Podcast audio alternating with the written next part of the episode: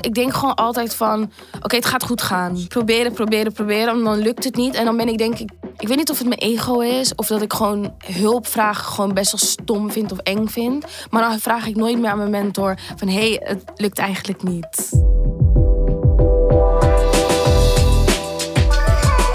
Welkom bij de podcast Jong in de Stad. Een podcast voor jongeren uit Amsterdam, waarin we in gesprek gaan over verschillende thema's die te maken hebben met mentale gezondheid. Het leven van jongeren in Amsterdam kan stressvol zijn. Het kan een uitdaging zijn om een balans te vinden tussen school, werk, familie en vrienden, terwijl je ook nog eens probeert goed voor jezelf te zorgen. In deze podcast bespreken we deze uitdaging openhartig met verschillende gasten en geven we tips en inzichten over hoe je je mentale gezondheid kan onderhouden. Welkom bij deel 2 van de aflevering van Salsa. In dit deel bespreken we een ingezonden vraag van een luisteraar. We gaan in gesprek met Ilias en we sluiten af met het verhaal van Salsa. Hey jongens, ik heb een dilemma. Het gaat over balans vinden tussen privé en mijn sociale leven. Aan de ene kant voel ik mij vaak eenzaam, heb ik behoefte om zeg maar, tijd door te brengen uh, met mijn vrienden. Maar aan de andere kant raak ik ook snel uitgeput uh, van dit soort dingen. Ik vind het heel moeilijk om de juiste balans te vinden. Herkennen jullie dit ook en hoe gaan jullie ermee om? Dankjewel. Fijne dag. Heb ik dat wel eens? Ik denk dat ik dat vroeger, of vroeger, jeetje, ik ben zo oud, nee. Um, wel meer had dan nu. Nu voel ik dat niet meer zo, omdat ik nu echt voor mezelf heb besloten: als ik geen zin heb in een verjaardag, ga ik ook gewoon niet meer naar die verjaardag. Waar ik eerst kon denken van, oh ja, diegene komt ook altijd bij mij. Ik moet naar die verjaardag. Ik ben uitgenodigd en iedereen gaat. Denk ik nu van, als ik moe ben na mijn werk of, of wat dan ook, ga ik gewoon niet meer.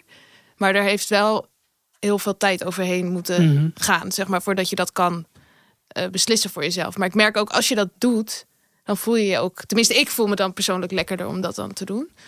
Um, Verandert dat ook naarmate je ouder wordt? Ja, dat denk ik wel. Want als je nou, iedereen misschien in je puberteit zit of in die fase zit dat je op school zit en iedereen gaat naar die festivals of gaat uit, dan wil je misschien ja, dan wil je, ja, dan heb je FOMO. Ja. Je zegt het heel mooi uitgelegd. ik doe even de afkorting. Ja. Uh, ja, en nu denk ik van ja, wil iets zeggen, maar dat zeg ik niet. maar dan Biep, even op. ik heb er gewoon geen zin in, dus dan doe ik het niet meer. Dus ja, ik, nou, vind dat wel fijn om nu zo te kunnen doen. Ja. Ik, ik, denk inderdaad dat het wel heel herkenbaar is. En ik denk dat de meeste jongeren, tieners, wel heel veel moeite hebben met die grens aangeven van wat wil ik wel en wat wil ik niet. Met nee zeggen. Uh, met nee zeggen vooral. En dan is het niet alleen in, in sociale, maar ook op school, ook op werk. Uh, wil je nog een half uur extra blijven? Ja, is goed, ik blijf wel. En dan wil je eigenlijk helemaal niet, maar je doet het toch omdat je toch bepaalde sociale druk uh, ervaart. En ik denk dat het vrij natuurlijk is dat je op een gegeven moment een switch maakt van. Nou, ik wil het eigenlijk helemaal niet, dus ik doe het ook niet. En ja. Nou, en ik denk ook wel, dat merk ik ook aan het werken met jongeren, uh, onder andere dat het allemaal best wel druk is. Dus je bent en met school bezig en met uh, werken, stage. Social media. Uh, social media is een hele grote Vrienden, Een nieuw vriendje. Nieuw vriendje. Zie je het allemaal, maar die balans te vinden. Ik denk dat het, ook wel, dat het ook wel heel erg meespeelt. Hoor. Als jij bijvoorbeeld, als je een vriendengroep hebt van vijf en uh, jij gaat niet en vier wel. En iedereen snapt en plaatst op Instagram stories dat die ergens is. je ziet natuurlijk ook nog eens dat mensen ergens zijn. Precies, ja. en dan het lijkt me ook heel lastig om dan uh, nee te zeggen. En dan direct te zien van, oh, ze hebben het wel heel leuk zonder mij ook. Ik denk dat het ook wel een dingetje is van, oh, dus, dus ik kan ontbreken in mijn vriendengroep. En ja, want dan weegt die nee wel even wat zwaarder dan dat je eigenlijk niet weet waar iedereen mee bezig is. Ja, ja. ja. Ja. Maar ik, ik, ik heb zelf dat ik bijvoorbeeld tegen één iemand wel makkelijker nee kan zeggen. maar als meerdere iets gaan doen en ik dan nee zeg, dat het dan wel voelt van mm, wat mis ik. Ja. Toch die FOMO inderdaad. Ja, van, Dat blijft altijd wel. Je moet, ik moest mezelf ook wel echt trainen hoor. Dat je, zegt, dat je echt nee durft te zeggen of zo. Ja, en op een gegeven moment kwam bij mij wel het besef van... Eigenlijk op social media plaatst iemand alleen wat de leuke dingen. Dus ik mis eigenlijk helemaal niks. Behalve dan die drie minuten dat, iemand zijn telefoon erbij trekt. Dus dat is echt zo. Is je advies dan niet ook, als je dan alleen op de bank zit, ga niet op social nou, de hele tijd kijken nou, waar iedereen zit. Niet per se. Ik, oh. eh, Als jij op dat moment op de bank jezelf lekker voelt Met die keuze met die je gemaakt keuze, hebt. dan boeit het niet of jij scrolt of niet. Ja. Ik denk dat je vooral, als je een keuze maakt, je hebt er achteraf vrede mee. En de eerste, tweede en derde keer zal het wat moeilijker zijn. Denk ik van, oh ja, ik wil toch misschien wel. Of eh, die nee komt er wat moeilijker uit. Eh, dan de vierde, vijfde keer denk je van, ah, lekker hoor, op de bank eh, vrijdagavond. Precies. Het, het maakt me niet zoveel uit wat iedereen uitspookt. En ik denk dat het in het begin altijd moeilijk is om nee te zeggen. Met alles. En je wil ook niet als de, ach, de saaie weer. Oh, ga je weer niet mee? Mm. Ja. Volgende keer vragen we je toch niet hoor. Ja. Dat soort vibes. Ja. Ik denk, ik, wat, het advies wat ik mee wil ge- geven eigenlijk is... bepaal voor jezelf waar je grens is. En Hoe doe je dat? nou, inderdaad, ik zeg van... sowieso allereerst doe dingen waar je energie van krijgt. Mhm. Als je ergens naartoe moet gaan en het sloopt je... terwijl het Terwijl je je- eigenlijk dus inderdaad geen zin hebt. Precies. Ik bedoel, als jij eh, vijf dagen naar school gaat, je hebt nog een bijbaan of je werkt fulltime en je moet dan nog in het weekend dingen doen die je energie vreten, ja, dan gaat het niet lang meer duren voordat je nog dieper in Ja. vermoeidheid, et cetera, gaat komen. Dus voor mij is de grens van, krijg ik er energie van of stop ik er te veel energie in? Ja. En Dat is een ook, goeie. Mooie tip. Ja. Ja. maar Misschien dat, luisteren naar je lichaam of zo? ook, en dat is ook balans, hè, van Ja. wanneer wil ik ergens energie in stoppen en wanneer wil ik iets doen wat mij vooral energie geeft. En het begint Eh. dus eigenlijk met de vraag: wat wil ik op dit moment? Precies. Ja, wat, waar heb ik op dit Precies. moment behoefte En aan? soms verlies je jezelf. En dat is niet erg. Als je toch ja zegt terwijl je nee wil zeggen. Ja. Maar dat, achteraf leer je er wel van, van... Oh, was dit een verstandige keuze, ja of nee? Nee, de volgende keer weet ik wat ik moet doen. Ja, dan denk je wel Hoop je twee dan, keer.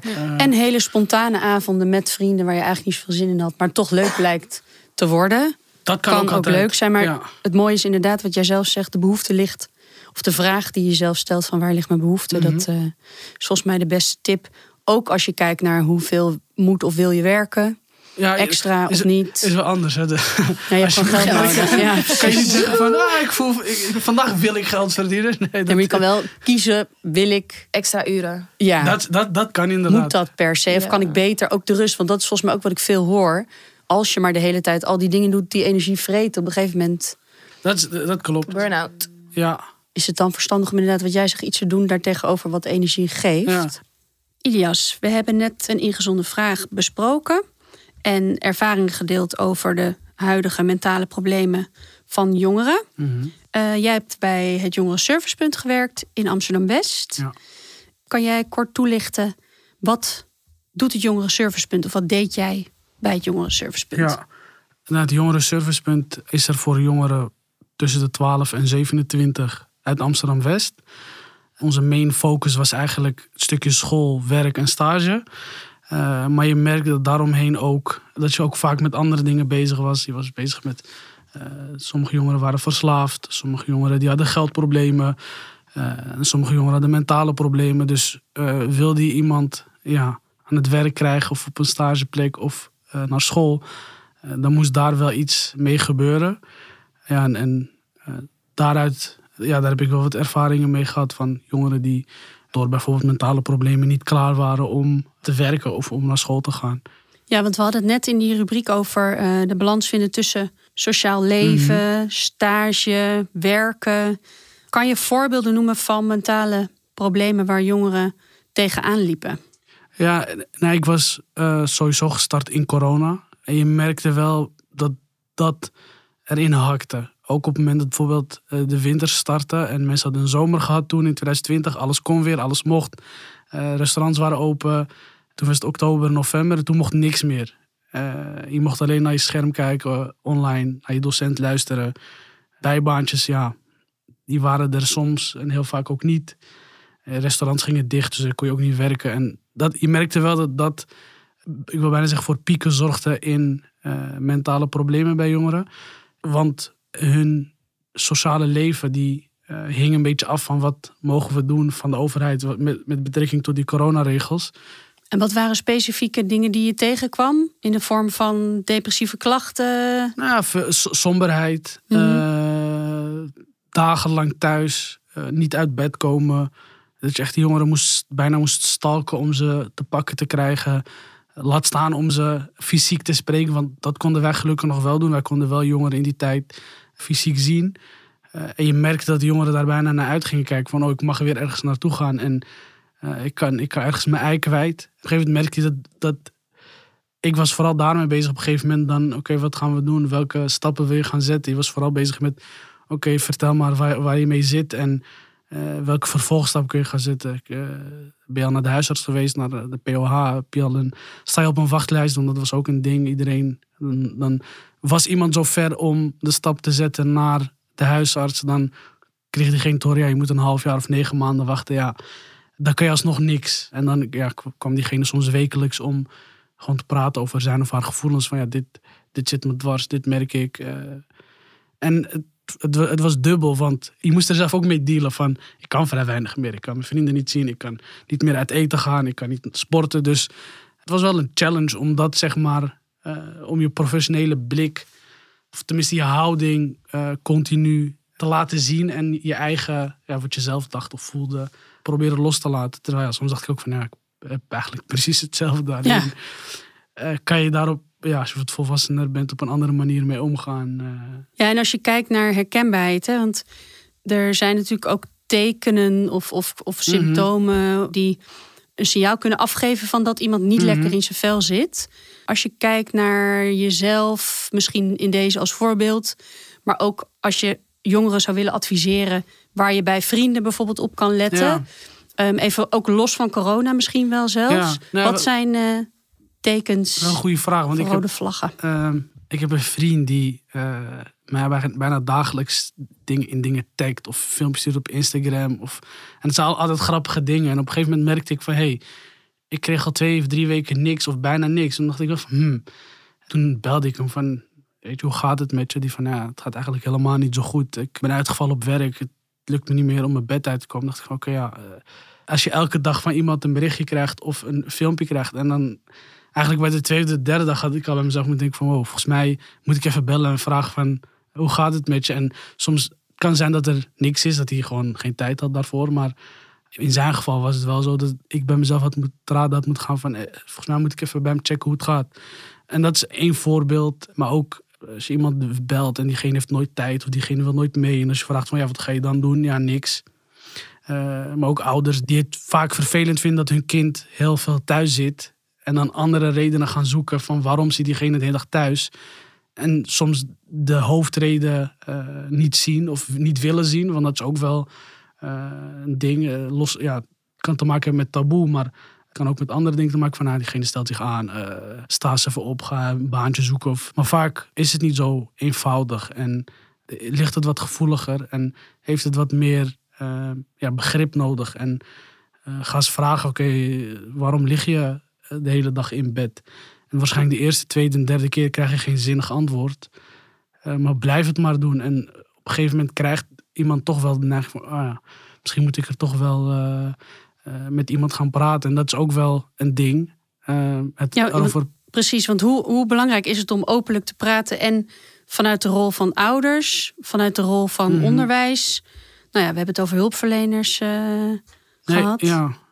Het is best wel moeilijk om iemand zo ver te krijgen om erover te spreken. Waar heeft dat mee te maken? Waar is dat van afhankelijk? Nou, jongeren denken heel vaak dat ze de enige zijn die daarmee te kampen hebben. Eh, en daar schuilt ook weer een, een risico in dat je het niet wil bagatelliseren van... oh nee, je bent niet de enige die eh, dit voelt. Eh, maar doordat iemand weet van... hé, hey, je kan je een paar dagen slecht voelen. Het kan zijn dat je sombere depressieve gevoelens hebt. En er is ook iets wa- wat je daartegen kunt doen. Als, als ja, jongeren dat besef krijgen van... hé, hey, ik hoef niet continu ellendig te zijn. En ik wil er iets aan gaan doen. Als ze dat besef eenmaal krijgen.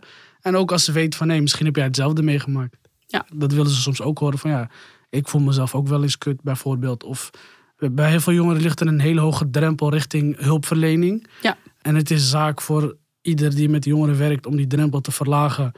Eh, als iemand mij heel erg vertrouwt, omdat ik geen hulpverlener ben, omdat ik wat dichter bij jongeren sta, dan wil ik best een keer met je mee om, om het ijs eigenlijk te breken van En bestond er ook ruimte voor bijvoorbeeld het werken bij een jongerenservicepunt?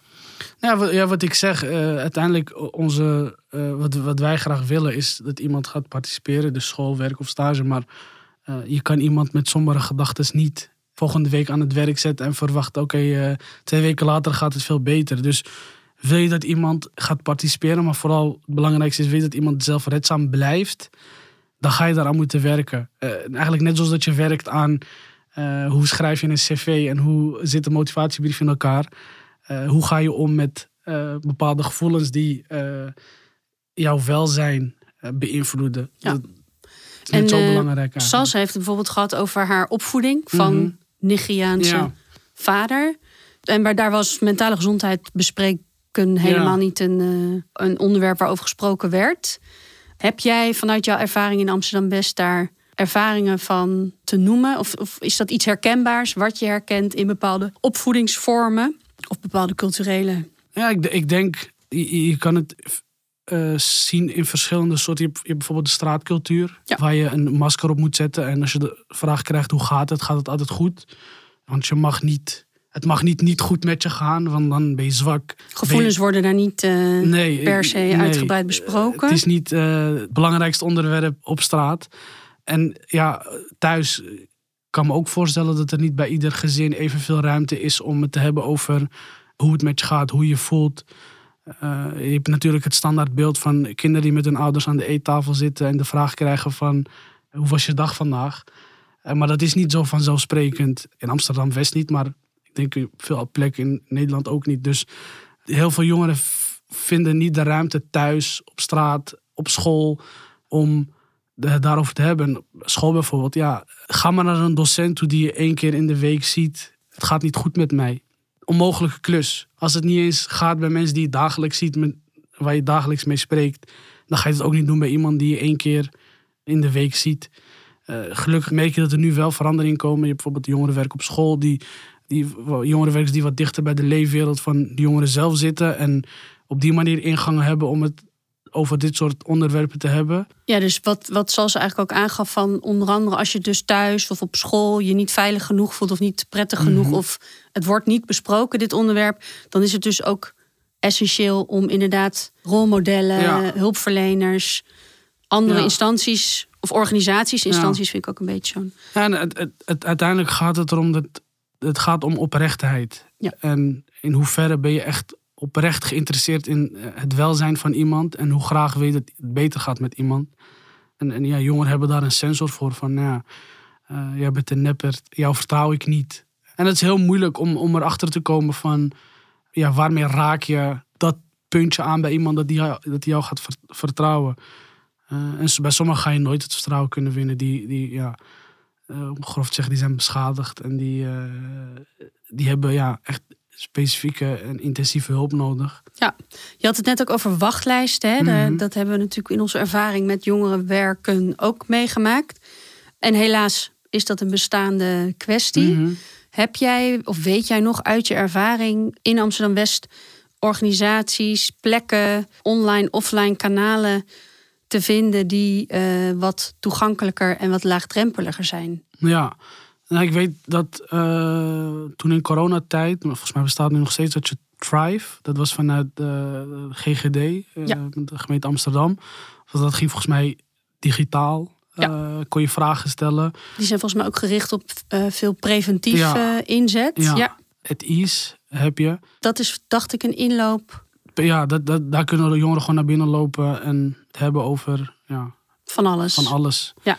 Maar Ja. wel ook gericht op. Zonder wachtlijst. zonder- ja, zonder wachtlijst. Precies, volgens mij zelfs zonder uitgebreid intakegesprek. Ja. Ja, en, en Thrive is volgens mij, dat zou zelfs geheel anoniem kunnen. Dus echt voor als, als de drempel zo hoog is dat je, dat je op die manier eh, start. en dat was dan online. Dat was online, Ja. ja.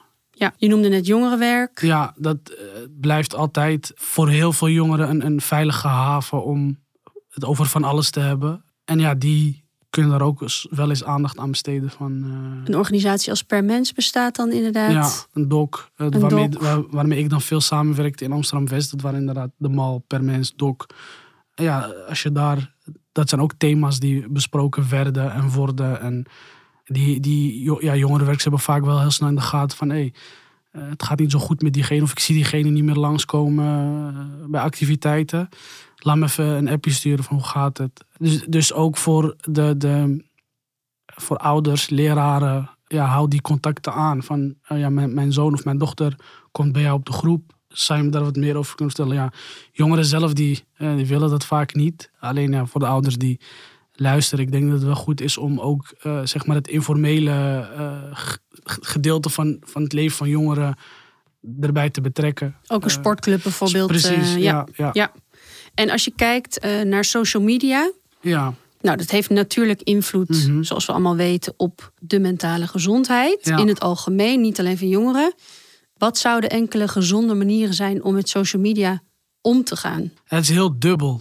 We hebben het er net ook al een beetje over gehad, ja. volgens mij, in de rubriek. Ja, kijk, voor sommigen is eh, social media the root of all evil. Maar aan de andere kant vind je er ook self-care video's waar je weer heel veel aan kunt hebben. Dus het gaat uiteindelijk om balans. Wat, waar kies je voor om naar te kijken en hoe lang kies je ervoor om naar te kijken?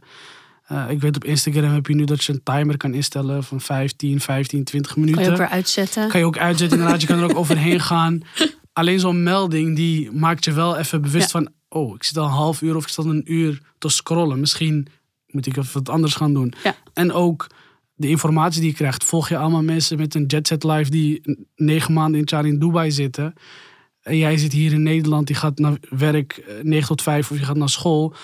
Dan kan ik me heel goed voorstellen. Dat op een gegeven moment denk ik van, oh ja, ik eh, voel me niet zo. eh, ik zou dat ook willen. En ik, ik, ik mis iets in mijn leven. eh, maar ja, ik- om een voorbeeld te geven, wanneer zie jij zo'n influencer stofzuigen? Nou, je ziet alleen dat diegene op een, op een boot zit of champagne drinkt. Maar de minder leuke dingen, het, geeft een heel vertekend beeld. En eh, je, zou het niet, je zou niet zonder kunnen. Dat is nou eenmaal eh, ja, de maatschappij waarin we leven. En wat ik zeg, eh, als, jij, als jij YouTube-films kan bekijken wa- waarin ja, je mentaal sterker wordt of waarmee je, je mood beter wordt, wa- waardoor je gaat lachen, waardoor je weer zin gaat hebben in, om iets te gaan doen, ja, nou, dan is dat ook een manier om aan jezelf te werken. Maar ja, het heeft ook een hele negatieve effect. Eh, FOMO. Ja. eh, ja. Ja. Fear of missing out. Dat, ja. Volgens mij zoeken we allemaal naar een bepaalde balans als het gaat om social media gebruik. Net hebben we het ook over gehad dat inderdaad de WhatsApp een hele goede manier is om contact te krijgen Mhm. en te zoeken en te houden Ja. met jongeren. Ook al zeker als het gaat om te vragen hoe het met ze gaat. En nog een afsluitende vraag. Wat zou jij willen zeggen tegen jongeren die momenteel worstelen met hun mentale gezondheid en het gevoel hebben dat ze er alleen voor staan? Wat is een eerste stap die ze kunnen zetten? Nou, wat ik net ook zei is, je bent niet de enige. Je bent niet alleen. Een eerste stap is altijd eh, degene die je op dat moment het meest vertrouwt aanspreken. Eh, is dat je beste vriend of vriendin, eh, of, je, of je vriendje of je, of, of je vriendinnetje. Zijn het je ouders? Is het een docent op school? Is het een jongerenwerker? Is het je teamleider op werk? Eh, is het de huisarts? Maar het belangrijkste is, zeg het tegen iemand. Zorg ervoor dat iemand het weet. En wat weet? Hoe, hoe wat zeg je? Dat je op bepaalde momenten je niet zo lekker in je vel voelt. Dat je heel weinig energie meer kan halen uit de dingen waar je voorheen wel heel veel energie uit haalde. En ja, je, je, hoeft, je hoeft het gel- niet gelijk labels te geven. Eh, Je hoeft niet gelijk te zeggen, ik ben depressief. Maar zeg wel dat je soms wat minder lekker in je vel voelt. Zeg dat je sommige dagen wat minder makkelijk uit je bed komt dan andere dagen. Zeg dat eh, je, je weinig pret meer ervaart. Eh, Minder contact met andere mensen misschien ja. zoekt. Dat is ook vaak wel een... ja, dat je weinig zin meer hebt om je vrienden te zien. Of na het eten ga je gelijk je kamer in. Probeer iemand de signalen te geven dat het niet goed gaat. En, en hou het niet voor jezelf. Want als jij de enige bent die het weet, vreet je zelf van binnen op. En ja, ik durf bijna te zeggen, op het moment dat je tegen iemand zegt, dan weet ik 100% zeker dat het oplucht. Dan Ja. denk ik van oeh, ja, eh, ik heb het tegen iemand gezegd en nu eh, kan ik wellicht eh, stappen gaan zetten om er wat aan te doen. Dankjewel. Eh Salsa, we gaan in de afronding van jouw gesprek. Eh, hoe is het nu met jou? Ja, gaat goed. Oké. Kan altijd beter, zeg ik altijd. Oké. Ja. En wat, wat is goed? Hoe ziet je leven eruit? Ja, ik, eh, ik werk nu langzamerhand weer. Ik had even een maandje had ik geen werk. Dus best wel uit een stressvolle periode. Als je dan niet, geen werk hebt en dan geef je meer geld uit. Of nou, ik geef meer geld uit dan. Heel dom. Ehm, Stom is dat, hè? Ja, echt stom. Je hebt geen geld? Ik heb omdat geen je geen geld. werk hebt? Ja. ja En dan ga je... herkenbaar. Super raar. Omdat je meer tijd hebt Mhm. Ja, om, geld uit te geven. Ja. En dan ben ik ook nog eens verliefd nu op dit moment. Dus dan ga je ook weer dingen doen. En dan heb je elke maand een nieuwe anniversary natuurlijk. One month, two month, tuurlijk. En dan wil ik altijd een cadeautje. Dus dat kost ook geld. Maar leuk, leuk. Het ma- Hij maakt me hartstikke gelukkig. Goed zo. Eh, school is wel wat minder. Ik doe, Nou. ja, het, het gaat goed. Maar mentaal is het zo zwaar. Ja. Ja. Eh, Hoe komt dat? Gewoon echt zwaar. Gewoon mijn concentratie. Gewoon dat ik bepaalde dingen gewoon niet begrijp. Gewoon niet. Ik snap niet hoe het werkt en zo. En dan... Ik denk ook met mijn, mijn geheugen. Maar dat is weer gekoppeld aan het blowen. Ik blow nu al sinds mijn twaalfde. Dus dat helpt ook mijn geheugen niet. Heb je ooit wel eens Ehm, geprobeerd te stoppen? Ja, Mhm. toen ik op vakantie was, was het me anderhalve week gelukt. Toen was ik dezelfde dag weer terug, heb ik gebloot. En toen ik naar Gent was laatst, drie dagen, toen heb ik weer... Een beetje op en af Ja, echt stom. pogingen gewaagd. Maar eh, het doel is er nog, 100%.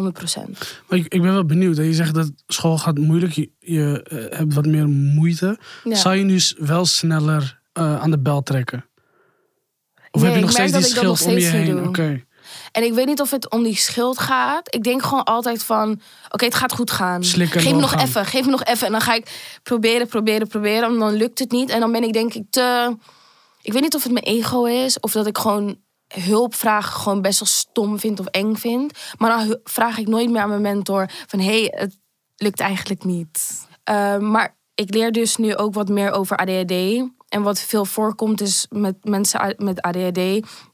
Omdat in de periode, bijvoorbeeld, hoe leg ik dit uit? Als je iets moet doen, zeg maar, gaat, ga je het zoveel mogelijk tot het laatste moment. Want dan komt die dopamine en dan, en dan maak je het af. Maar nu.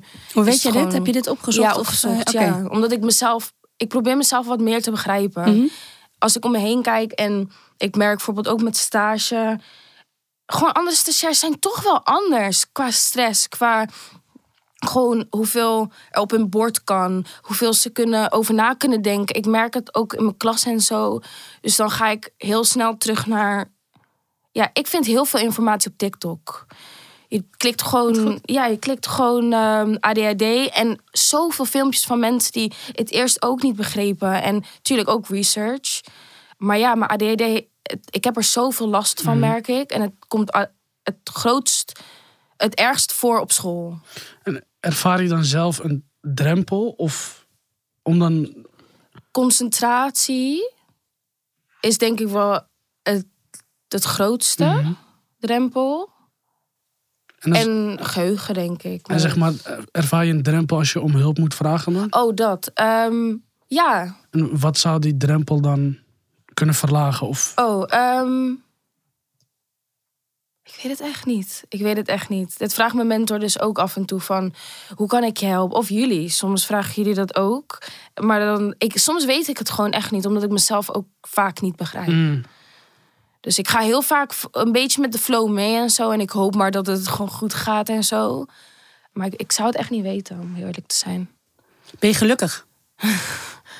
Ehm, ik heb momenten van geluk. Maar ik, ik zou me niet gelukkig noemen. Nee. Het is zo, ik vind het zo stom klinken. Maar wat, wat, je, maar zei, ja, je- het is gewoon oké, ja. je zei het in het begin, je moet eerst weten wat geluk is voordat je kan zeggen of je gelukkig bent. Wat is geluk nu voor jou? Als ik geluk nu moet omschrijven, is het gewoon veel liefde. Ja, liefde tussen relaat, gewoon relaties, vrienden, familie of vriendjes of zo, Mhm. vriendinnetjes.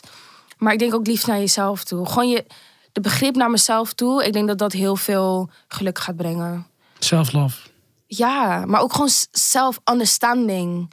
Want je kan zoveel emoties voelen, zoveel voelen. En dan op een dag voel ik zoveel. En dan 9 van de 10 keer weet ik niet wat ik voel. Dat is heel vervelend. Zou je dat ook aan de luisteraars meegeven? Wat? Self-love. Self-love, baby. Love yourself. Ja, nee, eh, ik vind het wel belangrijk. Het is wel echt gewoon dat stukje van jezelf begrijpen. Ik denk dat dat een beetje in het self-love komt. Want op een gegeven moment kwam corona, is Ja. je sociale leven eigenlijk gewoon... Gewoon gestopt. Ja, precies. Gewoon gestopt. ja. En hoe ben je die periode dan uiteindelijk doorgekomen? Eh, sinds die tijd was ik weer, ja, gewoon heel veel contact ook met mijn oude pleegouders, Ja. Margreet en Wouter. Oké. Dus ja, gewoon echt. Op een gegeven moment zag ik hun alleen. Ja. Gewoon maanden, oké, wekenlang gewoon alleen hun. Ehm, maar hun maakten zich ook zorgen. Dus hun waren me echt aan het pushen van Sals. Ga nou, ga nou chillen met iemand. G- Waar zijn je vrienden? Gewoon echt like, En wat, waarom heb je daar geen contact mee gezocht? met vrienden. Mhm. Ik was best wel gekwetst. Gewoon door bepaalde mensen. Dat kan ik wel eerlijk zeggen. Omdat je vanaf dat corona begon ook niks meer Nee, hebt gewoon gehad? ook door ruzies en zo. En gewoon door. Ik zeg ook wel eerlijk, ik kan ook wel toxic zijn. Ja. En toxic plus toxic. Maar dat was al geëscaleerd voordat corona überhaupt Ja, begon. tij- en ook tijdens corona andere vriendinnen weer. En Ja. drama. Gewoon veel drama. En op een gegeven moment was ik er, ben ik er heel snel klaar mee. Ja. En je zegt, had volgens mij inderdaad ook aangegeven van, nou, ik mis best wel vriendschappen. Oh, 100%. Hoe, waar begin je met vrienden zoeken? Nou, ik heb laatst, wat ik jullie vertelde, Bumble. Ja? Zo schandelijk eigenlijk. Hoezo? Waarom? Ik vind dat gewoon... We hadden het net over social media, dus dat... Ja, nee, maar Bumble, serieus. Like, ga je een app downloaden om vrienden te maken? Ik weet niet, ik dacht gewoon... Ik zag het en ik zag van, oh, fr- friends, waarom niet? Ik ben toch sociaal, het ge- gesprek beginnen kan ik Ja. toch wel... Het En komt ik wel denk goed. zoals heel waardevol voor heel veel jonge mensen. Ja, like, die inderdaad in de coronatijd... Oh nee, eh, voor jullie is het niet schandelijk hoor. Nee. Maar voor mij... Het voelt. Ik had het gewoon niet... Ik had het niet verwacht van mezelf. Ik had het totaal niet verwacht. Het hoort wel bij deze tijd en helemaal in ja, corona. ja, dat wel, inderdaad. Ook als je kijkt naar hoeveel mensen vriendschappen maken via online gaming ja, bijvoorbeeld. Ja, ja, inderdaad. Maar ik weet niet, ik dacht gewoon van... Ga je serieus gewoon vrienden maken? Kan je dat niet gewoon even bij de winkel of gewoon, weet ik veel, in je gebouw? Soms hebben ze ook spelletjes in de cohesieruimte. En dan nodigen ze iedereen uit van het hele gebouw. Ik ben elke keer niet gegaan. omdat Van waar jij nu woont? Mhm. Oké. Ik ben best wel zenuwachtig. Dus ik denk dat de Bumble een... Misschien ook wel een protective layer van... Dat ik toch wel... Beetje En afstand. dat heb ik ook gedaan. Na een gesprek was ik er ook heel snel klaar mee. En toen dacht ik, nee. En heb ik het verwijderd. Oké. Ja, Het lijkt me ook heel lastig hoor om vrienden te maken. ja is echt lastig. Als je gaat kijken naar vriendschapsstructuren, Precies, dat is ja. inderdaad Het is wel toch wel, basisschool, ehm, middelbare ja. school, het is werk. toch wel ehm, random. Mm. Dat is de mo- de, het mooiste aan een vriendschap. Ja. Gewoon dat je elkaar... Je laat iets vallen. Oh, je tas. Pa, pa, pa. En dan toch wel, ja, social media. En dan ben je in gesprek en dan spreken jullie af en dan dat. Maar Bumble, ik denk dat dat een beetje voor mij... Geforceerd Ja, een klein beetje wel. Ging dan moet je toch wel dat gesprek van... Hey, hey, Kunnen hoe gaat het nu? Wat, En wanneer- hoe gaat het? En wanneer gaan we elkaar vrienden Ja, noemen? inderdaad. Maar- besties nu? Eigenlijk is het geen verschil met vroeger als je iemand tegenkwam op straat en je zei, gaan we spelen? Kom je Ja. buiten spelen? Ja. Nu zijn we vrienden. Ja. Ja, Dan gaat het, nu gaat het via de app. kom maar nu. Ik zou zoveel makkelijker zijn. ik Wil je buiten spelen? Ja, wil je buiten spelen? Blikje trap? Ik denk als je dat nu vraagt zoals heb. hm, Nee, dat gaan we niet doen. nee. Maar wel goed dat je in ieder geval ermee bezig bent. En ik denk Ja. ook dat je, dat is net zoals met relaties. Je hebt een relatie, zei je Ja. net, toch? Yes. Dat als je, de, net als met ook begeleiding en zo, als je er zelf voor open staat en iets Ja. van jezelf kan geven, Ja. kan je een vriendschap onderhouden. Ehm, ik wil nog heel even naar wat helpt jou inmiddels om een bepaalde balans te behouden? Of wat zijn dingen die jij gezond voor jezelf vindt om staande te blijven, zeg maar? Beetje routine volgen. Oké. Wat dus je ik daar? merk wel dat als ik nu gewoon altijd naar mijn lessen ga van school, altijd naar stage de twee dagen, ehm, ga werken. Nou, nu afgelopen tijd heb ik geen werk gehad, maar dat ging ook gewoon lekker. Gewoon Mhm. vaste uren. Ik wist welke dagen ik moest werken. Dat voelde wel lekker. wat brengt dat het, dat, dat positief zich uitwerkt? Omdat ik dan kan ik verwachten wat er morgen gebeurt. Voorspelbaarheid. Ja, ja, voorspellen bedoel ik. Ja. En dan is het voor mij. Dan kan er, wel, kan er wel drama gebeuren. Maar als ik dat doe, dan weet ik dat er niet heel veel stress bij komt kijken. Want als ik, als ik één week niet naar stage ga, dan heb ik heel veel probleem. Of nou, best wel een groot probleem. veel probleem. Nee, maar in mijn Ah, hoofd heb ik het denk ik 10.000 keer groter gemaakt. Joy, En daardoor ben ik er wel daar wil je geweest. geen Ah, problemen mee. Issues. Ja. Dus eh, ja, het heeft wel geholpen. ja, Ja, vind ik wel. Gewoon even streng. ja. En eh, een laatste vraag eigenlijk aan jullie beiden. Want we gaan een beetje in de afronding. Want ik heb niet heel goed de tijd bijgehouden. Maar volgens mij zijn we ruim een uur eh, in gesprek. Wat willen jullie luisteraars meegeven? Een beetje ook samenvattend van wat we allemaal eh, besproken hebben. Eh, ja, ik dacht, er, ik dacht er thuis aan. Ja, Ik denk toch wel begrip tonen voor je jongeren zelf. Ik weet niet, soms dan. of voor jouw ik- jongeren zelf Ja, over je? Oh, gewoon over je jongeren Ja. zelf. Dat wanneer je ouder bent. Bijvoorbeeld nu denk ik heel vaak van. Ja, maar. Nou, niet heel vaak. Af en toe van. Ja, maar had je wel weg moeten lopen zoals. Je moest gewoon slikken. Het, komt wel, het zou wel goed komen. Dan was al deze drama niet gebeurd. En dan ga ik toch wel mijn eigen problemen dat ik toen voelde. best wel ja, downplayen, kleiner maken. Ja, Maar omdat ik het nu aan zou kunnen. Hmm. Maar dat betekent niet dat ik het toen aan kon. En ik moet het een beetje like van, it's all good. Like, je, je kan het nu wel aan. Ehm, en al die pijn heeft geleid tot wie je nu bent. Maar niet boos worden op je jongeren zelf. Of denken dat je dingen kan veranderen. Want je kon het toen niet aan en dat is oké. Ja, dat klinkt weer zo... Nou, klinkt mooi. Ja, ja het is Heel wel mooi. zo. ja. Ja. Heb jij nog dingen die je mee wil geven? Nee, ik denk dat Of Salsa het heel mooi heeft ja. afgesloten met het is oké, je mag zijn wie je bent en wil Ja. zijn. Nee, inderdaad. En wees Mooi, trots op wie je Ja, nu bent, ondanks Niet je te hard verleden. zijn. Beetje lief zijn voor jezelf. Ja. Oké, nou, dit was alweer deel 2 van de allereerste aflevering van Jong in de Stad. Wil je ook jouw verhaal delen? Heb je tips die bruikbaar zijn voor onze podcast? Of wil je in contact komen met anderen over dit onderwerp mentale gezondheid? Dan kan je ons bereiken via de socials van Civic Amsterdam en Jongerenservice. De links zijn te vinden in de show notes van deze aflevering.